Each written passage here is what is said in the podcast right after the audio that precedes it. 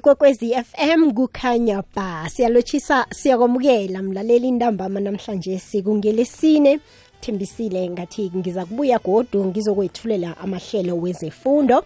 Ngiyathokoza-ke mlaleli kokwezi FM bona ungihlangabeze nanamhlanje si.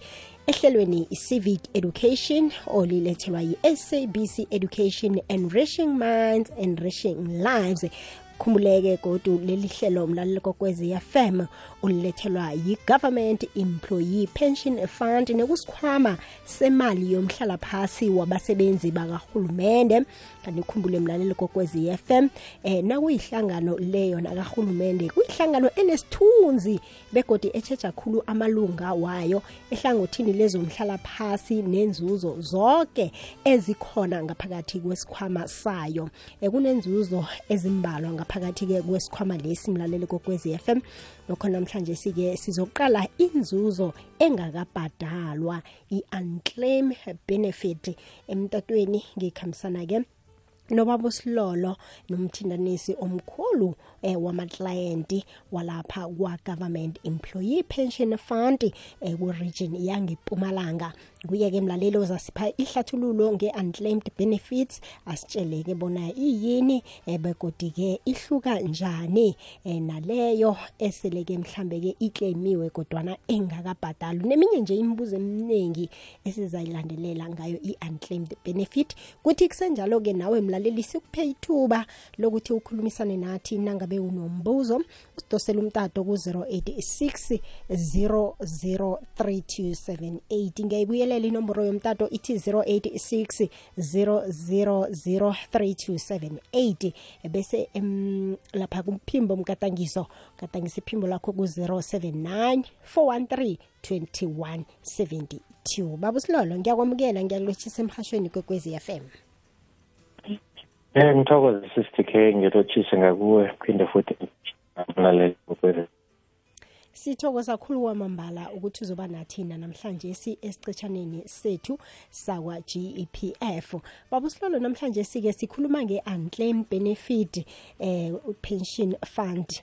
Kusitshele-ke ukuthi ngokuya ngokomthetho eh iyini kuhle kuhle usihlathululele yona ukuthi unclaim benefit eh fund le kuhle kuhle iyini?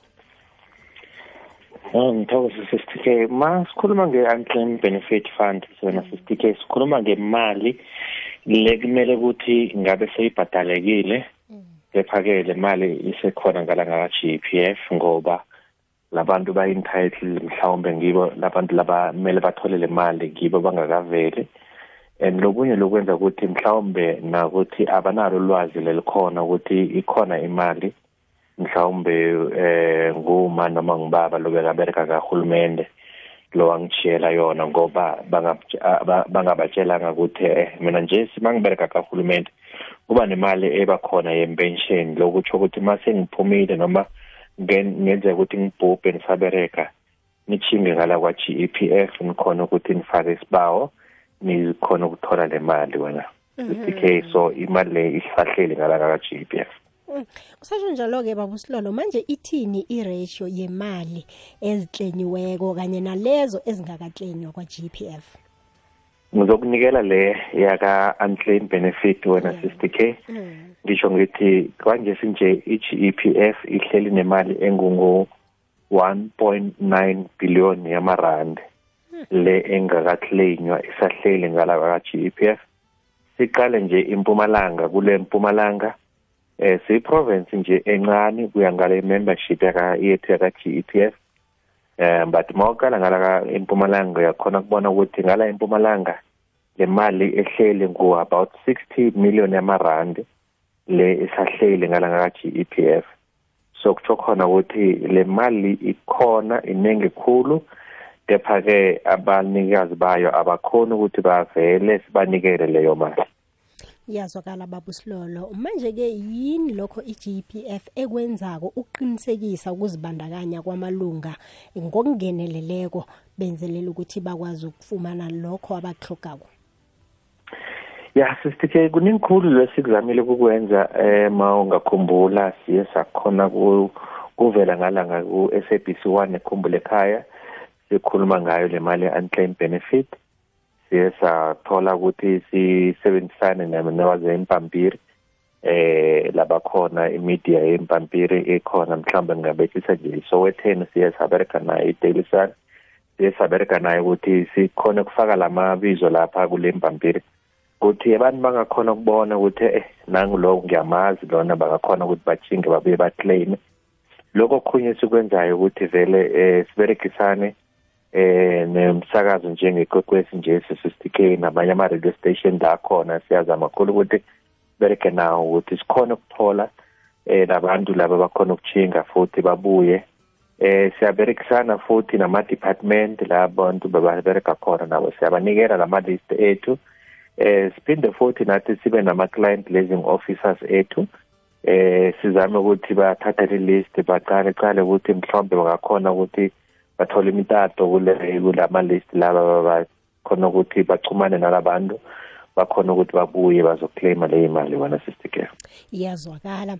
Kanti-ke nangachaphiko babusihlolo ngokuhamba kwesikhathi sethu sizokutsheja amabizo walabo-ke mhlambe abangakaclaimi imali yabo yakwa-g p f. Umlaleli abeka indlebe yebo sesiyiphethe le list wena sister care sizoba uh, biza lapha ngasemsakazweni. Ahake mlaleli kokwez FM wenza isiqinisekiso ke sokuthi ubeka indlebe.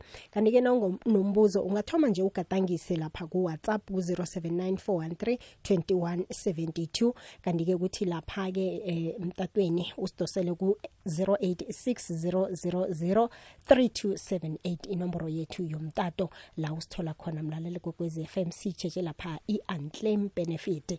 Siragele phambili njalo ke eh, babusilolo mhlambe ke ukungatholakali mhlambe kwamalunga ngonobangela kwemininingwane nokuthintana akumhlambe akwenzi bonyana ke ilwazi eh, labo abalifakileko kube lilwazi elingakafanele elingakalungiswa mhlambe. Uyibeke kuhle wena sister ukuthi lapho kunye mhlambe eh malunga ethu mhlambe banganalwazi lelifanele ukuthi mhlawumbe bebakumele balungisile njengoba sikhulumile ngasemva besikhuluma ngale nomination of beneficiaries. Eh nako kule nomination of beneficiaries labanye wena sitike babafakile. Eh kepha ke lokhu singakhona ukukuthola ngile mitato yabo noma ama address la singakhona ukuthi sibathole khona lama beneficiaries ethu.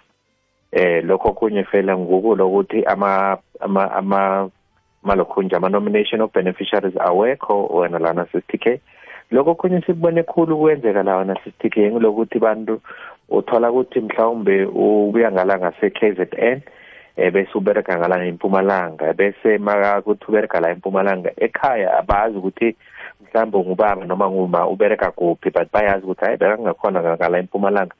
Makafashonile umuntu bamthatha bamchingisela ekhaya bayamngcwaba kepha abasabuyi bazoqala lana nakuthi bekabereka kuphi eh wenza kanjani ngendaba zeyimpension so ngilokho esikhathini lesiningi ukuthi asinayo i-beneficiary form asinakho lokuthi i-address yasekhaya ingakuphi ngoba uthola le address ubhalise i-address yasemberegweni eh masithi check-a vele akukho lokunye wena sihleke except ukuthi umuntu akabhalise i-address yasemberegweni noma nomination of beneficiaries beyingekho futhi.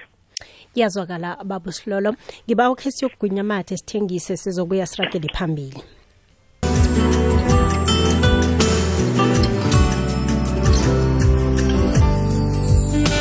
Usalalele ihlelo lezefundo nawusanda ukuvulela umhatsho siyakwamukela siyakulotshisa mlaleli sithokoze khulu kwamambala ukhetha ukulalela thina ngalesi sikhathi sobusuku namhlanje sike siphetheke indaba ye-unclaimed benefit. La sikhulumisa khona indaba zakwa-government employee pension fund. Emtatweni ngikhambisana-ke nobaba ukfas silolo. Kanti yena-ke umthintanisi omkhulu wamaklayenti khona lapha-ke kwa-gpf nguye-ke osipha ihlathululo yoke emayena lapha-ke nenzuzo engakabhadalwa yakwa-gpf khumbula-ke mlaleli kokwezi fm ungathoma njenganje usidosele ivuliwe imtato ku-086 0003278 nanyana ugadangise iphimbo lakho kuwhatsapp ku-079 413 2172 asiragele phambili ke baba Silolo ke sicale ke ukuthi ke eh akhe mhlambe ke ukhulumisane namalunga angakaklemi inzuzo eh ngemva ke mhlambe ke kokungaphumeleli eh kwekambiso emhlambe ke yesingongoyilo ungathini kibo? Ya bona sithi sibonile ukuthi abantu bakithi labaningi bayahlupheka kakhulu and nabanye vele njengoba bahlupheka nje. Mm. imali le bayiberegele le bakhipha i-contribution yayo isahlele ngala ka-GEPF and thina singi-GEPF sizibophelele ukuthi le mali sizoyibulunga ngendlela yonke. Eh nokuthi sibone ukuthi eh abantu labazama ukuthi mhlawumbe bangazama ukuclaima le mali ngendlela yobulelesi abayitholi le mali. Kepha-ke sithi abantu bangasabi wena sister k mawukhumbula nje ukuthi wena uke wabereka ngala ka-g p f noma wabereka kuphi ngala ngahulumende.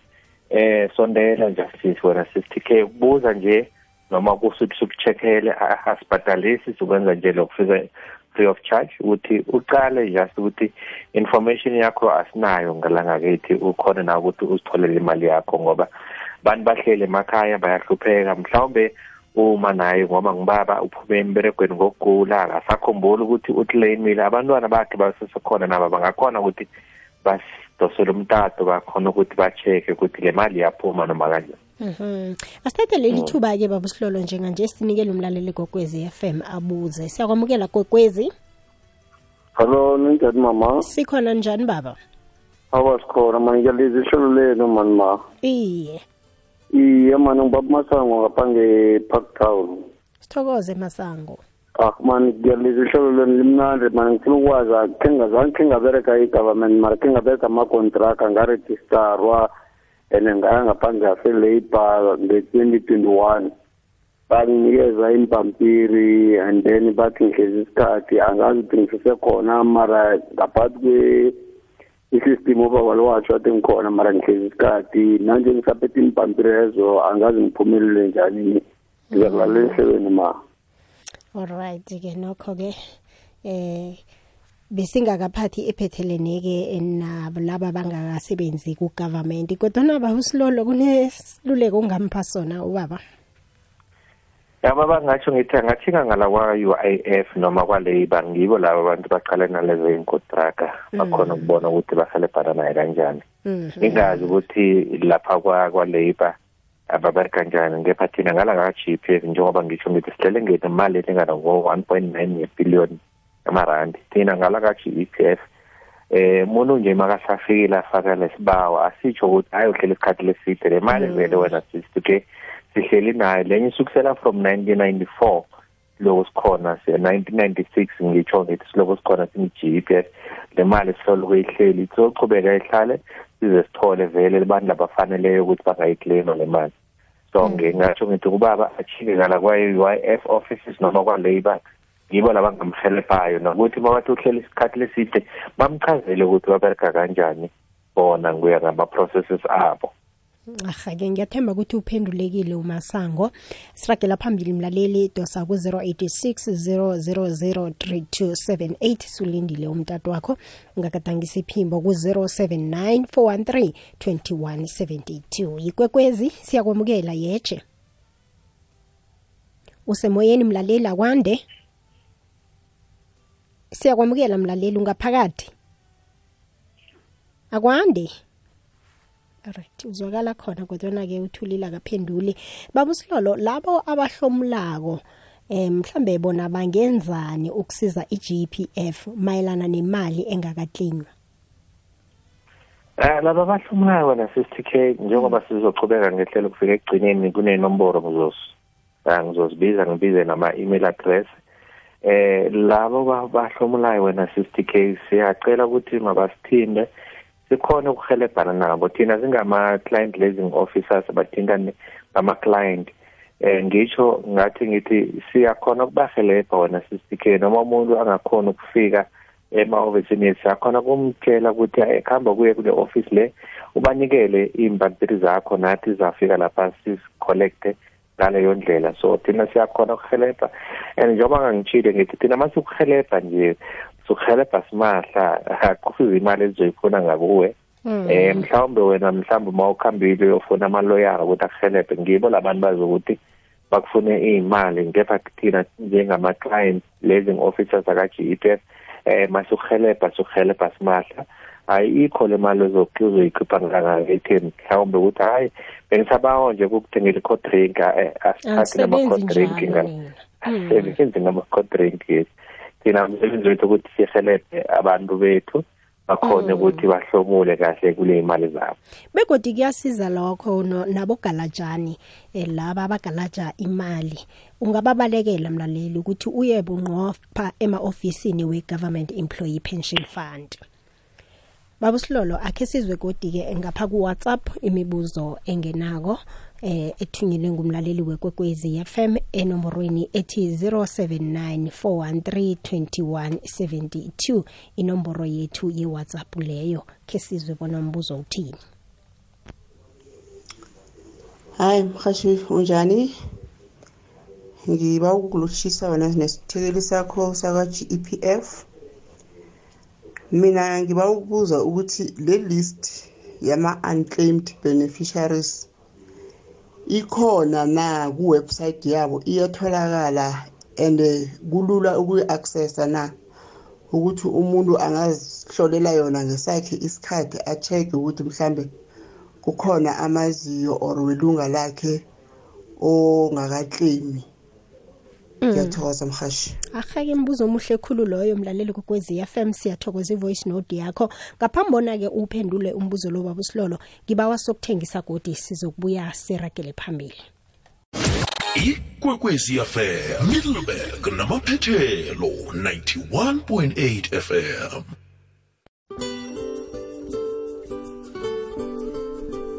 lichime kwaphela imizuzu eseleko ngaphambona silisonge ihlelo lethu mlalele kokwezi FM nawusanduvulela umhatsho siyakwamukela siyakulutshisa sikhuluma nge-unclaimed benefit yakwa GPF Government Employee Pension Fund inzuzo engakabhadeleki. Seseduze ke nokubiza lawo mabizo mlalele kokwezi FM walabo abangakaclaimi imali zabo kwa GPF yenza isiqinisekiso sokuthi ke ubeka kuhle indlebe bese ke uzokwazi ukulu ukulungisa imininingwane ozakwazi ukuyithumela kiloyo mlaleli kokwezi FM ozanke waclaima ibenefit yakhe. Babusilolo ngaphambi bona uphendula umbuzo loya nakomunye godwa umbuzo umlaleli lapha khe sizwe bona uthini? Sanibonani eh, ulirato okhulumayo lana. Nginenkinga mina.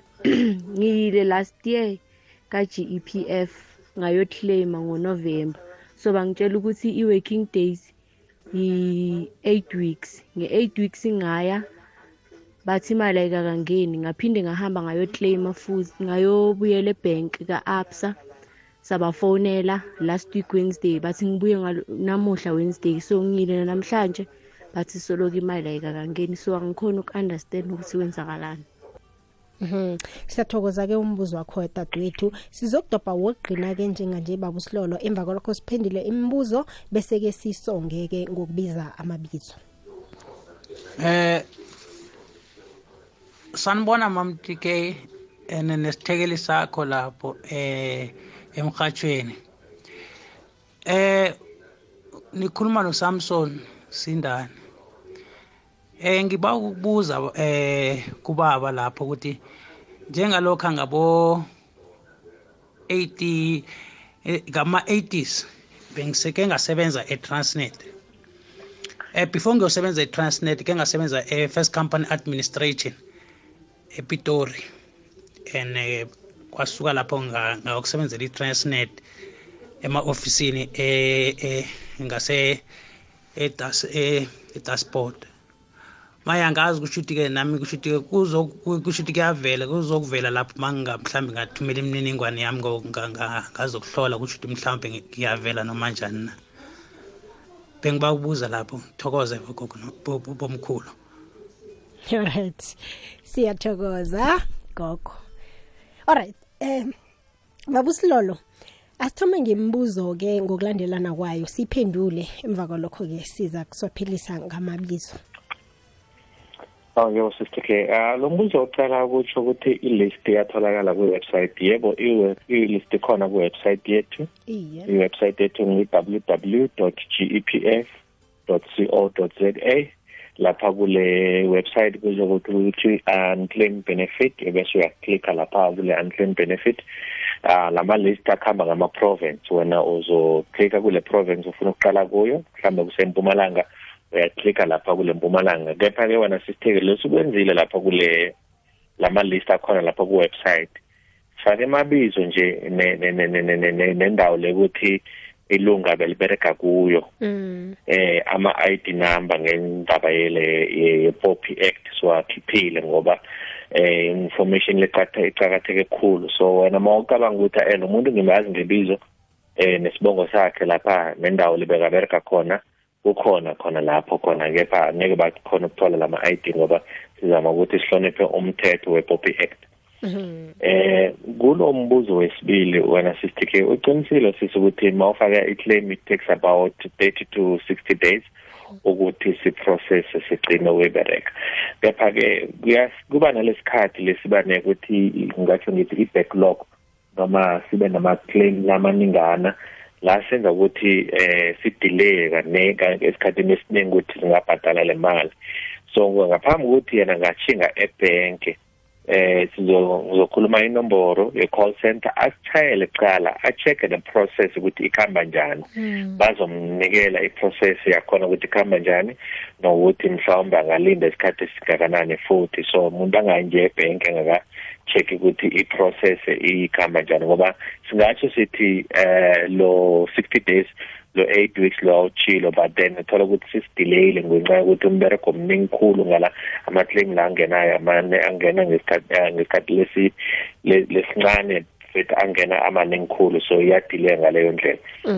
Eh kulo mbuzo wesithathu wena sister K ukhumbule sithile sithi thina singithi EPF i-government employees pension fund. Sicala nababereki lababereki ehulumende so masikhuluma ngama-companies ngama-sportnet nama-transnet sikhuluma ngama-company azijamele. Eh thina singithi i-EPF asiberekisani nawo lawo abacontribute kithi. Kepha-ke abantu bakithi laba bakhona ukuthi bakhona ukuhelebheka kahle nje nje nje anginayo inomboro yakwa-labor noma i-UIF ngoba i-office yodwana i-UIF ne-labor ngibo laba abangakhona ukuthi kulaba private companies bangakhona ukubahelebha ukuthi babacheckele ukuthi iy'mali zabo ukuthi sesekhona zingakuphi. Iyazwakala-ke baba usilolo manje kunomunye umlaleli obuza ukuthi ingabe mhlambe nina-ke njenge-region yempumalanga nisiza bempumalanga kwaphela? Eh wena sithi ke kwenzeka ukuthi umuntu angasuka ase empumalanga kepha ke mhlawumbe umbelethi wakhe bekangale elimpopo noma eGauteng noma kuphi kepha ke thina siyasiza noma abantu bakuphi kepha into ekumele si uma usibuza yona noma ufuna sikuhelebhe uproduce imininingwane yalomuntu lokuthi wona unayo imininingwane. Angeke sikhona ukukuhelebha nje wena wasitshela wathi hayi nginayo i-ID number ngicela ungicheckele la i-ID number kabani bani ngizokubawa ukuthi ngi-emailele yona noma uyithumele ngendlela ethize sikhona ukukuhelebha kubona ukuthi sikhuluma nomuntu lo vele kumele sinikele information le ayidingayo. Yazwakala baba silolo. Emzuzwini nje lemthathu esisele nayo bengizokubawa ukuthi-ke sisonge ngokuhlola amalunga la we-GPF angakaklemi ya sizozamanyana sisheshe lana wona sithi-ke ngisaqala ngitsho lana kunobuthelezi PL bekalapha e-education enkangala eh futhi ngibe nochabalala NL bekalapha ekwamhlanga community hospital eh siphinde futhi lana sibe no Chilenje PS bekase education e-head office siba nachuma lapha e-health ebhetale esibhedlela eh siphinde futhi lana sibe na Khoyo Khoyo MW bekalapha kwa Department of Agriculture. Siba lapha nandimba W bekalapha e-education e-health sibande.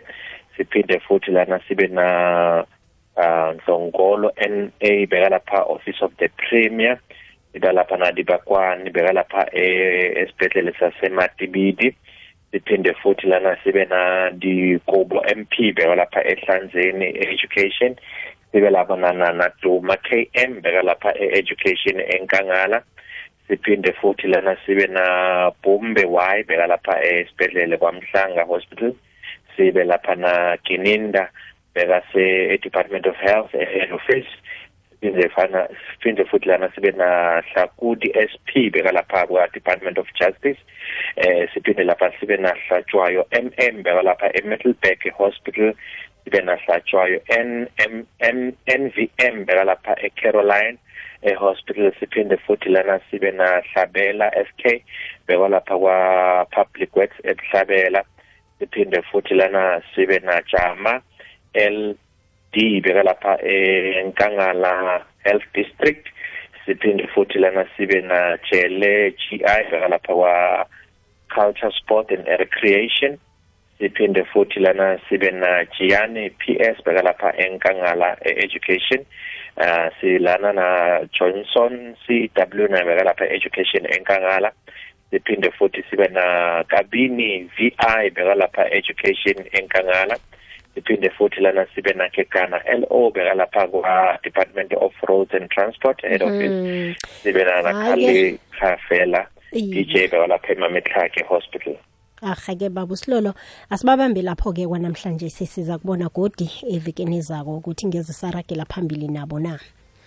Baba usilolo sinitholaphi-ke nina bakwa GPF Yes bangasithinda wena 60k inomboro yethu ye-call center ethi 0800 117 669 08 um, uh, 08 00117 i-toll free number ye-call center 8 isaqala kubereka ngo-8 up until 4 eh bafuthi bangasibhalela ne-email. Email yethu ithi inquiries at gepf uh, .co.za inquiries at gepf.co.za noma ukhona ngala eMpumalanga sinale office ngala eMpumalanga office lethu le unit number 5 in Bizo Plaza Samora Machel Road Nelspruit.